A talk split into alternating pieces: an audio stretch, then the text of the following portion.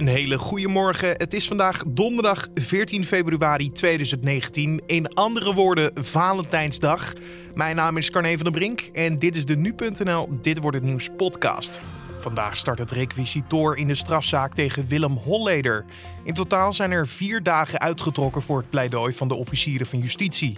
Uiteindelijk is natuurlijk de belangrijkste vraag welke straf het OM zal eisen. Ja, kijk, als het Openbaar Ministerie hem nou schuldig acht aan alles, dan kan er niks anders zijn dan levenslang. Sterker nog, als ze hem schuldig uh, achten aan al twee moorden en lidmaatschap van een criminele organisatie, is eigenlijk ook al niets anders te verwachten dan levenslange uh, gevangenisstraf. Daar gaan we straks verder over praten. Maar eerst gaan we kijken naar het belangrijkste nieuws van nu. Paul Manafort, de voormalig campagneleider van de Amerikaanse president Donald Trump, heeft tijdens het Ruslandonderzoek van speciaal aanklager Robert Mueller gelogen tegen onderzoekers. Dat oordeelt een federale rechtbank in de Verenigde Staten. Volgens de rechter heeft Manafort onder meer gelogen over zijn contact met oud-collega Konstantin Klimik, met wie hij jaren geleden werkte voor de toenmalige president van Oekraïne. Waarover Manafort precies heeft gelogen is niet bekend. Volgens Muellers team heeft Manafort over zeker vijf onderwerpen gelogen. Ajax heeft woensdag de eerste wedstrijd in de achtste finale van de Champions League tegen Real Madrid met 1-2 verloren. Vlak voor tijd maakte de bekerhouder de winnende goal in de Johan Cruijff Arena, nadat de Amsterdammers vooral voor rust veel kansen onbenut lieten. Kort na rust werd het 0-1 voor Real via Karim Benzema, waarna Hakim Ziyech voor Ajax gelijk maakte. Daar leek het bij te blijven, maar drie minuten voor tijd tekende Marco Asensio voor de 1-2 eindstand. Onderzoekers van de Universiteit Utrecht hebben ontdekt hoe de Salmonella-bacterie misbruik maakt van een van de verdedigingsmechanismen van het lichaam om darmcellen binnen te dringen. Volgens de universiteit is de vondst een belangrijke stap voor het ontwikkelen van nieuwe medicijnen om salmonella-infecties te voorkomen. In Nederland worden elk jaar 50.000 mensen besmet met salmonella-bacteriën via rauwe dierlijke producten zoals kip of varkensvlees, eieren of zuivelproducten. Zo'n besmetting veroorzaakt ernstige diarree die dagen kan aanhouden, maar ook kan het leiden tot ernstigere vormen zoals buiktyfus. Opnieuw in de Verenigde Staten is een lijst met priesters die worden verdacht van seksueel misbruik van minderjarigen vrijgegeven. Bisschoppen in de staten Virginia en New Jersey hebben in totaal 246 namen bekendgemaakt. De nieuwe lijst volgt op een golf van bekendmakingen van verdachte geestelijken in de Verenigde Staten. Begin februari maakte de katholieke kerk in Texas nog een lijst met bijna 300 namen van verdachte priesters openbaar. Officiële instanties die zich baseren op de bevindingen van een onafhankelijk onderzoek geven aan dat de beschuldigingen aan het adres van de priesters zeer geloofwaardig zijn.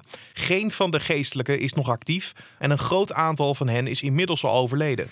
En dan kijken we naar de dag van vandaag, oftewel dit wordt het nieuws. Vandaag beginnen de officieren van justitie aan hun requisitor in de strafzaak tegen Willem Holleder.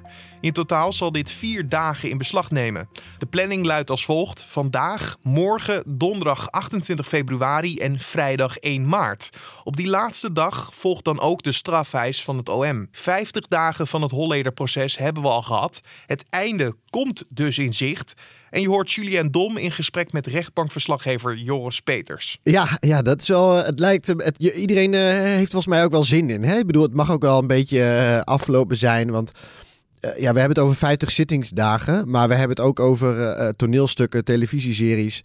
Dat is ook allemaal onderdeel geworden van het Holleder-proces. Dus, uh, maar nu de, de lang verwachte strafeis. Ja, met die 50 dagen zat ook een hele hoop tijd tussen, want hij zit al sinds 2014 vast.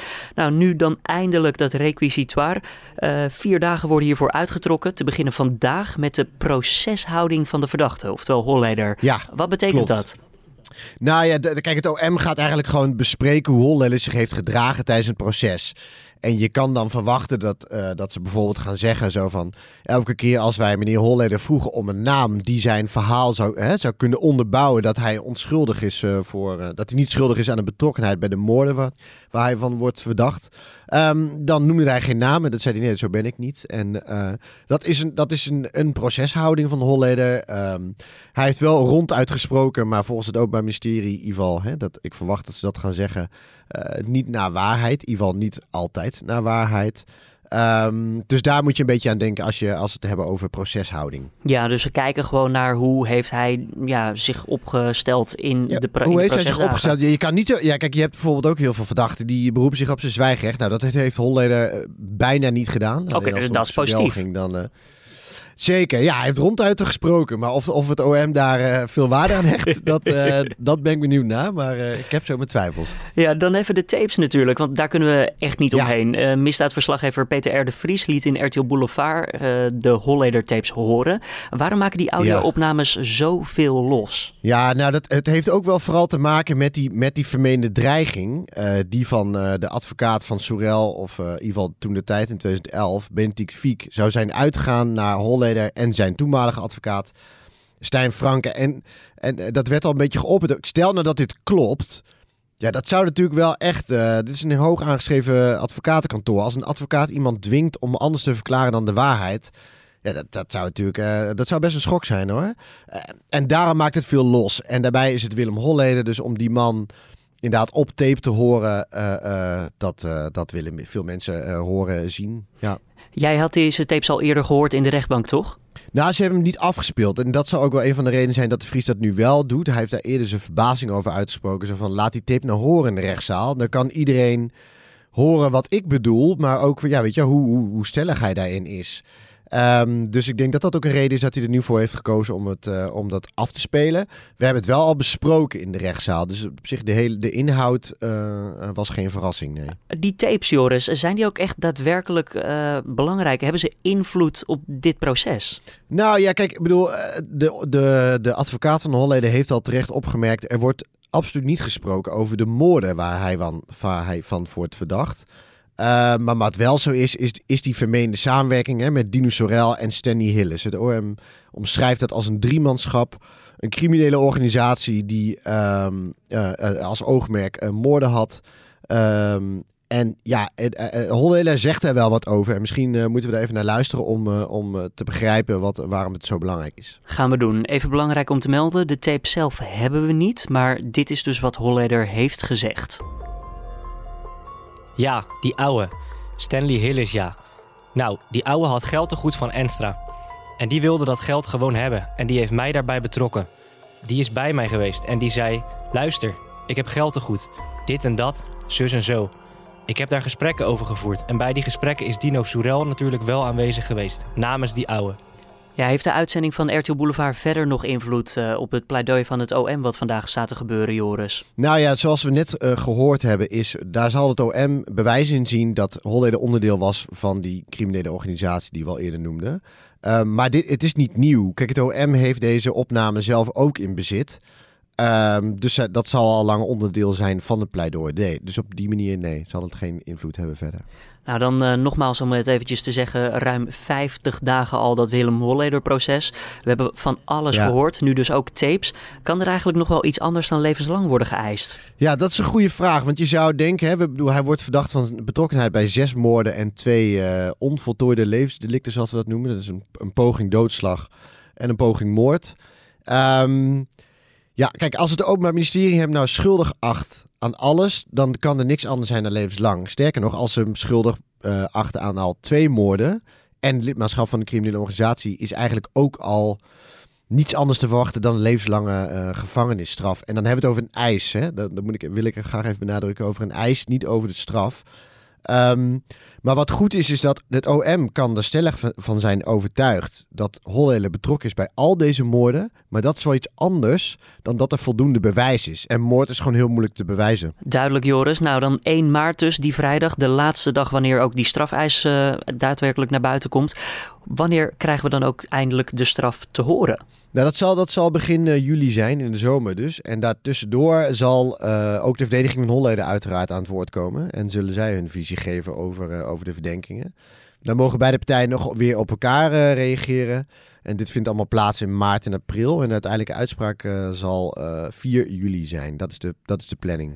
De rechter heeft dus voldoende tijd, of de rechters hebben dan voldoende tijd om erover na te denken wat zij zullen besluiten. Nou ja, bedoel, dit, ja wat, we, wat we al eerder, dit, dit is een, uh, dit gaat om zes moorddossiers of zo. Dus ja, nee, die zullen zeker hun tijd nemen om hier een goed oordeel over te vellen. Vandaag dus de eerste dag van het requisitor en op 1 maart volgt de daadwerkelijke strafeis.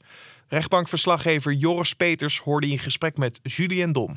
En in België staat opnieuw een spijbelactie van scholieren gepland. Al weken achter elkaar gaan de studenten de straat op om te demonstreren voor een beter klimaat. Vorige week waren ze in Leuven aan het actievoeren, nu wordt het Brussel. De rechtbank velt vandaag een oordeel over de Syrische man die afgelopen zomer in Naaldwijk met een mes naar willekeurige voorbijgangers zwaaide. De politie heeft de man met meerdere kogels moeten stoppen. Volgens justitie is hij volledig ontoerekeningsvatbaar en moet hij in een psychiatrisch ziekenhuis worden opgenomen. En vandaag worden ook voor de dertiende keer op rij de prijs van journalist van het jaar uitgereikt. John van den Heuvel van de Telegraaf, Paul Vugs van het Parool, Nathalie Wrighton van de Volkskrant, Joop Bauma van Trouw en Jet Schouten, Afrotros Radar, zijn genomineerd.